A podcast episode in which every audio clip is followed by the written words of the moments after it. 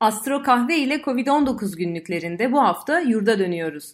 Karantina boyunca Gebze'deki evinde ikamet eden sayın hocamız emekli profesör Mehmet Emin Özel ile dedikoduların yayılma becerisinden Avustralya'daki orman yangınlarına, 2015 yılında Bingöl'e düşen sarı çiçek göktaşından evrendeki olası diğer canlılarla neden hala iletişime geçemediğimize kadar birçok konuyu konuştuk. Kahveleriniz hazır mı?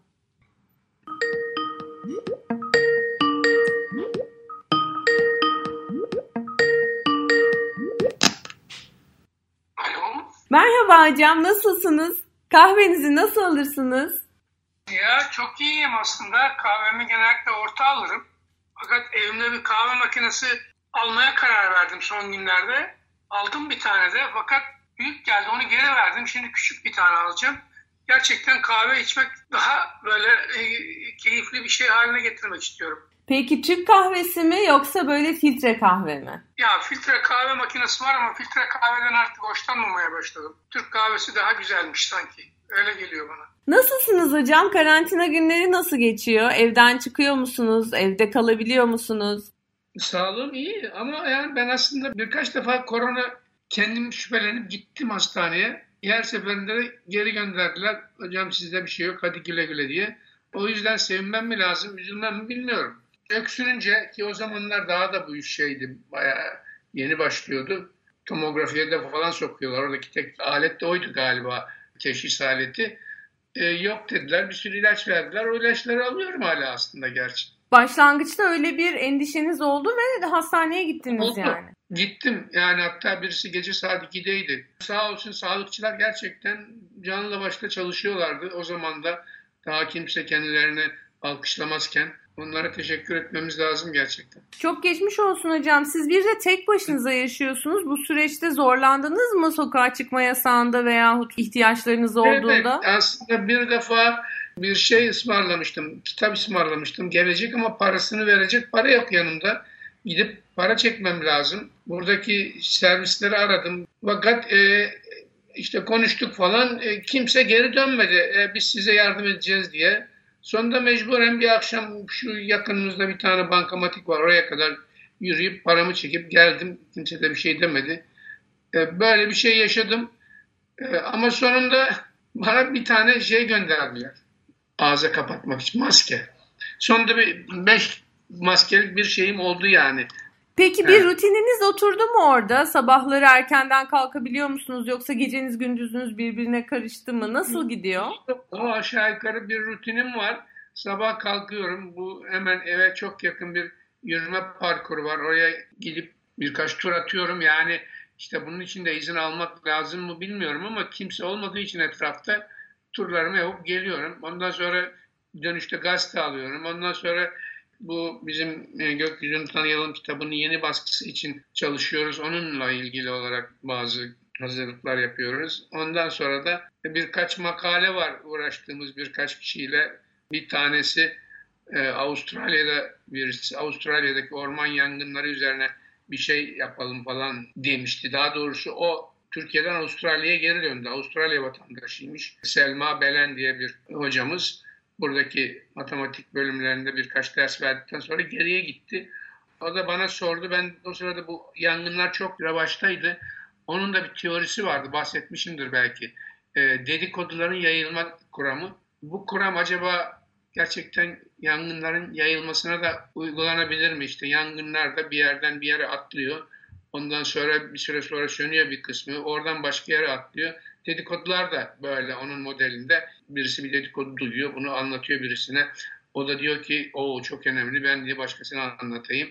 İşte başkası başkasına anlatıyor. Ve bir süre sonra anlatanlar ya bunu biliyorlar artık deyip kesmeye başlıyorlar ve böylece dedikodunun bir hayat eğrisi oluyor.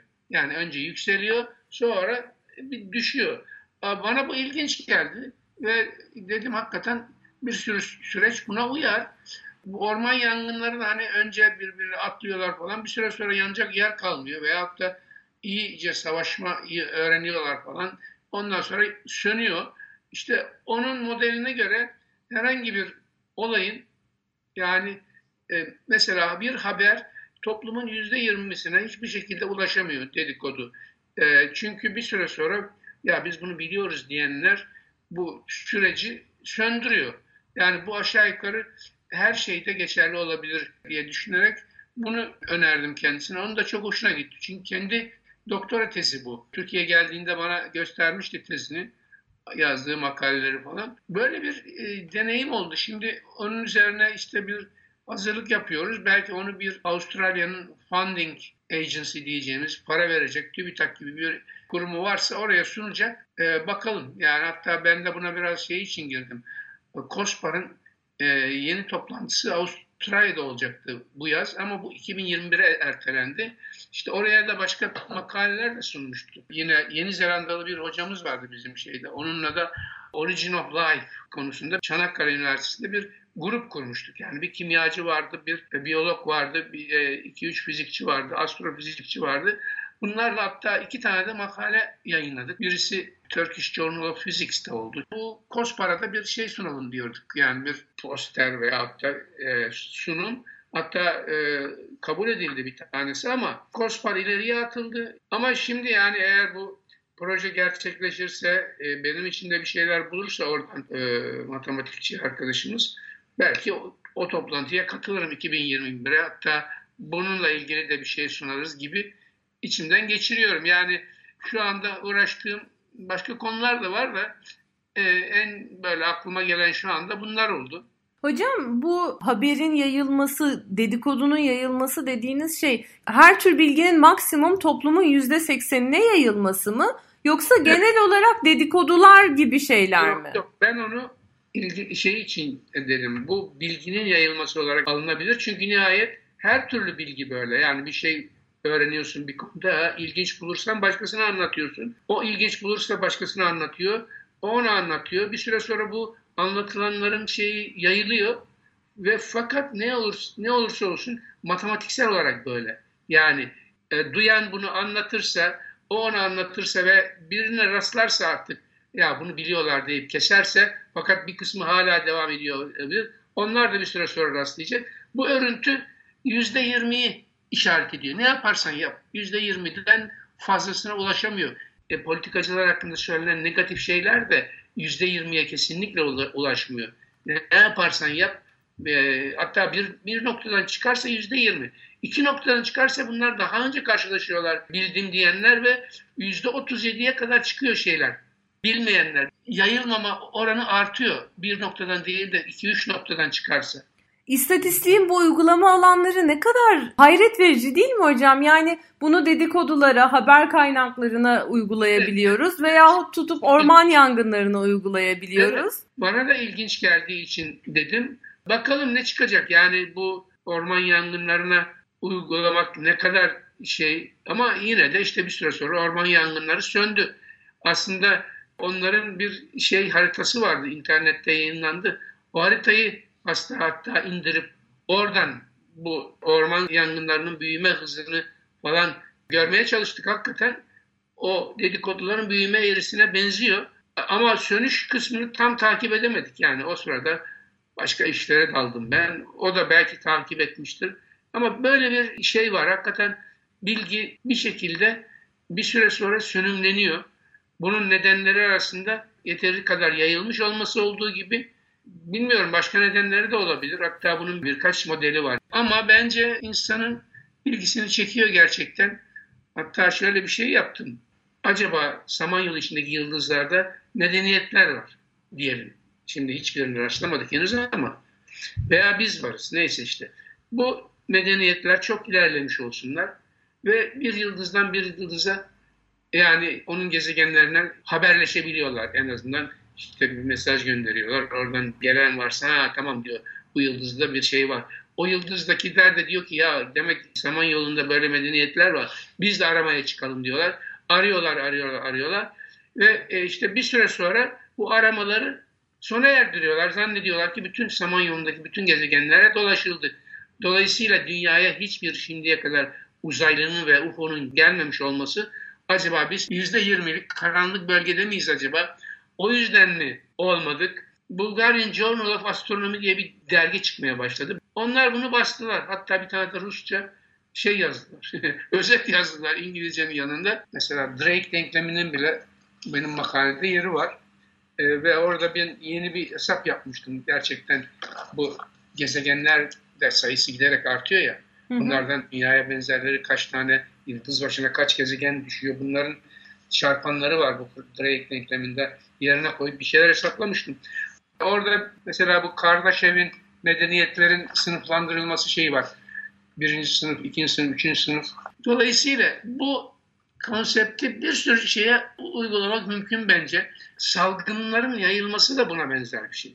Gerçekten inanılmaz bir şey yani hazine gibi bir şey. Bilim bir bütün tabii. Hepsi her şeyi birbirine etkiliyor. Bunun salgınlara uygulanması var mı yok mu onu da bilmiyorum yani açıkçası. Dolayısıyla yani uğraştığımız, e, uğraştığım konuların en başında bu geliyor son birkaç yıldır. Ne kadar ilginç değil mi hocam? Bir yandan çeşitli konuların e, veya temel teorilerin birçok alana uygulanabilmesi için uğraşan bilim insanları var. Bir yandan da bunun bütçelendirilmesi için inanılmaz bir çaba var. Yani sizin aklınızda birçok fikir olmasına rağmen bunları bir de hayata geçirebilmek için Avustralya'da, Yeni Zelanda'da, Türkiye'de bütçe peşinde koşmamız gerekiyor. Keşke öyle bir sistem olsa ki bilim insanları hiç bu parayla vesaireyle uğraşmasa da sadece bilime kanalize olabilse. Yalnız şöyle bir yanı var. Bu para için uğraşırken zaten kendi fikirlerin de keskinleşiyor veya da daha iyileşiyor. Daha yani ben bunu parayı verecek kişileri nasıl ikna ederim için daha böyle açık örnekler bulmak gereği oluyor. Dolayısıyla sanki bu sistem hem iyi hem kötü yanları var. Ee, o nedenle çok fazla da üzülmüyorum. Yani bilmiyorum aslında şu da oldu tabii. Bu işleri konuşalı 3-4 ay oldu. Fakat hala bir funding agency bulamadı arkadaşımız şeyde Avustralya'da. Halbuki bir sürü de para ayrılmış bu yangınları anlamaya. Peki hocam bu dedikoduların yayılması, haberlerin yayılması falan dedik. Hiç böyle bir anınız var mı? Astronomi camiasında veya günlük hayatınızda başınıza gelen komik veya e, artık nasıl diyeyim trajikomik bir dedikoduya maruz kalma veya onun öznesi olmak gibi. Ya şimdi tabii buna doğrudan doğruya uyar mı bilmiyorum ama yazları Çeşme'de bir evimiz vardı o zaman Oraya gider işte birkaç gün geçirirdik. Bu evde de bir profesör oturuyor, oturuyor diye demek yayılmış dedikodu veya da bilgi ne değil neyse. Ee, bir, bir akşam geldi bir genç çocuk. Hocam dedi ya bir hastamız var bakar mısınız? Hani çocuğu, genç çocuğu görünce ben de biraz espri yapayım dedim.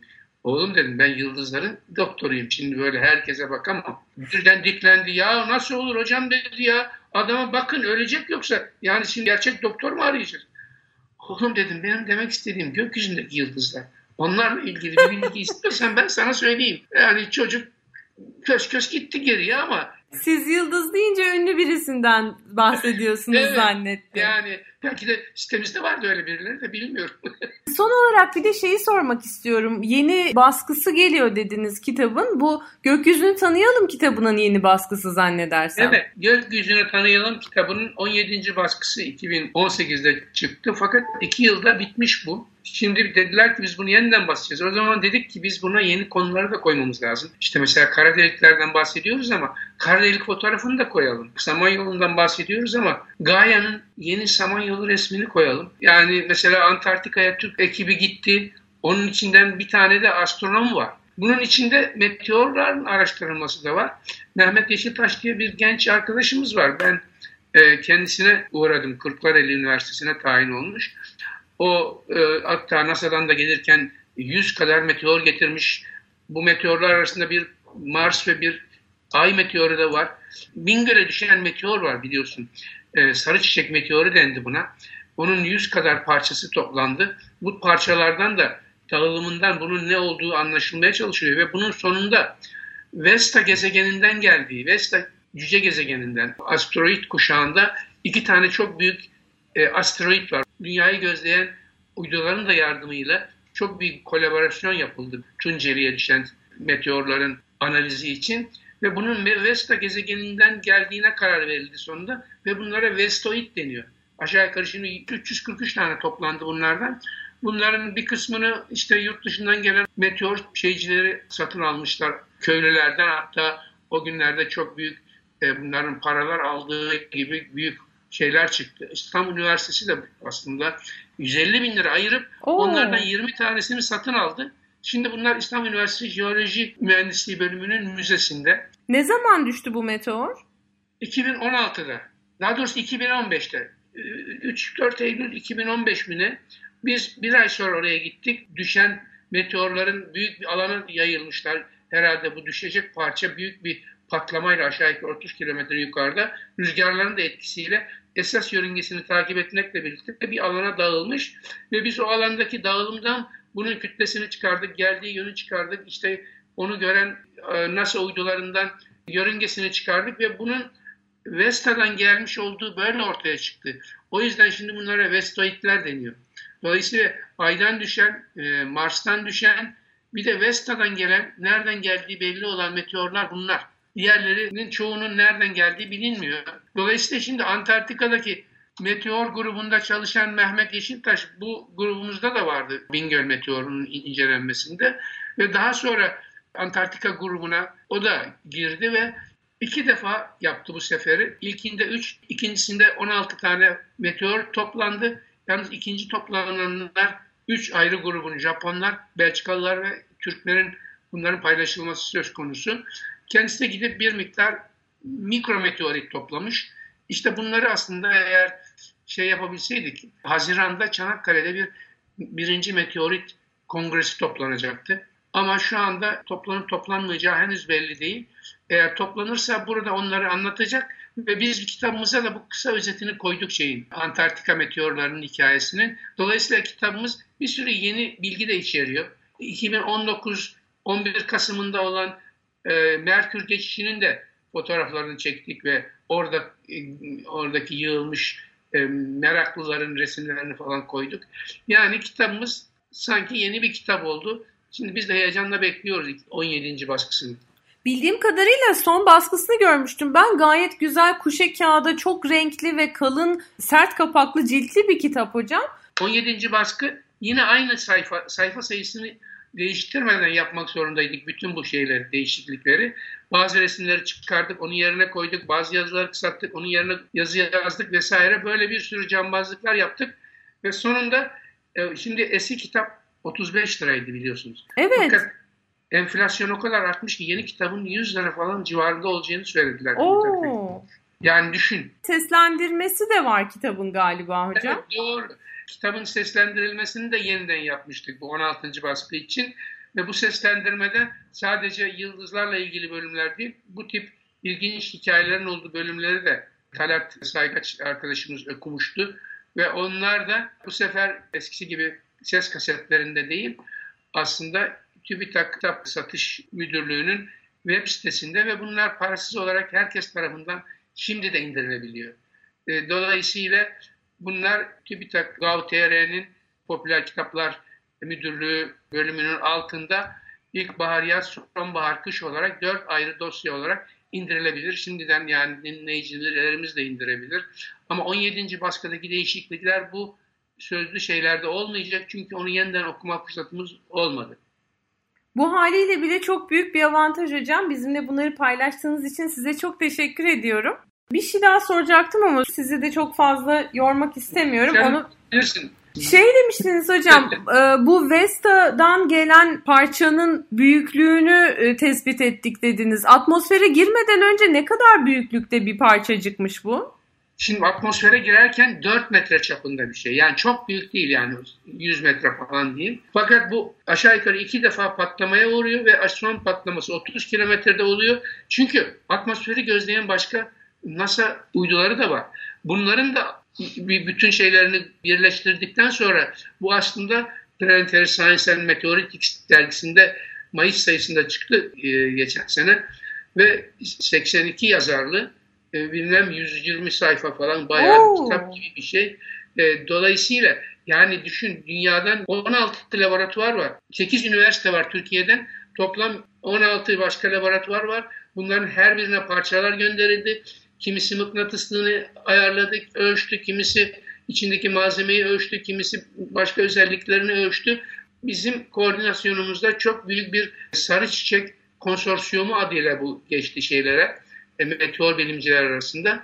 Meteoritics and Planetary Science dergisinde basıldı. O sayının kapak şeyi de e, Vesta'da bu meteorun düşmüş olabileceği bölgenin de tesadüfen NASA tarafından çekilmiş bir resim var. Çünkü o bölgenin içeriğine uyuyor bizim şey çok iyi bir şekilde.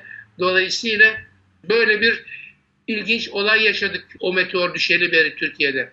Gerçekten çok güzel ve koordineli bir çalışmanın sonucu olduğu belli hocam. Emeklerinize sağlık. Çok teşekkür ediyorum bizlerle bunları paylaştığınız için. Şunu söyleyeyim de haksızlık olmasın. Bu koordinasyonu yapan arkadaşımız Ozan Ünsalan İstanbul Üniversitesi'nde o TÜBİTAK projesinin sahibiydi. Ben tabii emekli olduğum için ancak danışman olarak orada bulunabiliyordum. Arkadaşımızın adıyla yayınlandı. Biz de bununla ilgili makaleyi web sitemizde ilgili yazıya ekleyelim. Umarım bu girişiminiz çok başarılı olur. Gerçekten bu tip şeyler epey de yayıldı. Yani koronanın bize öğrettiği yeni şeyler arasında bu var. Aslında korona bize neler öğretti, yeni neler yaptık. İşte e, bu tip yeni gruplaşmaların da yolunu açtık. Gerçekten belki dünya hiçbir zaman eskisi gibi olmayacak. Çünkü bunları bunlar vardı ama kullanmak zorunda kalmamıştık. Çoğunu da bir anlamda bilmiyorduk. Şimdi biliyoruz.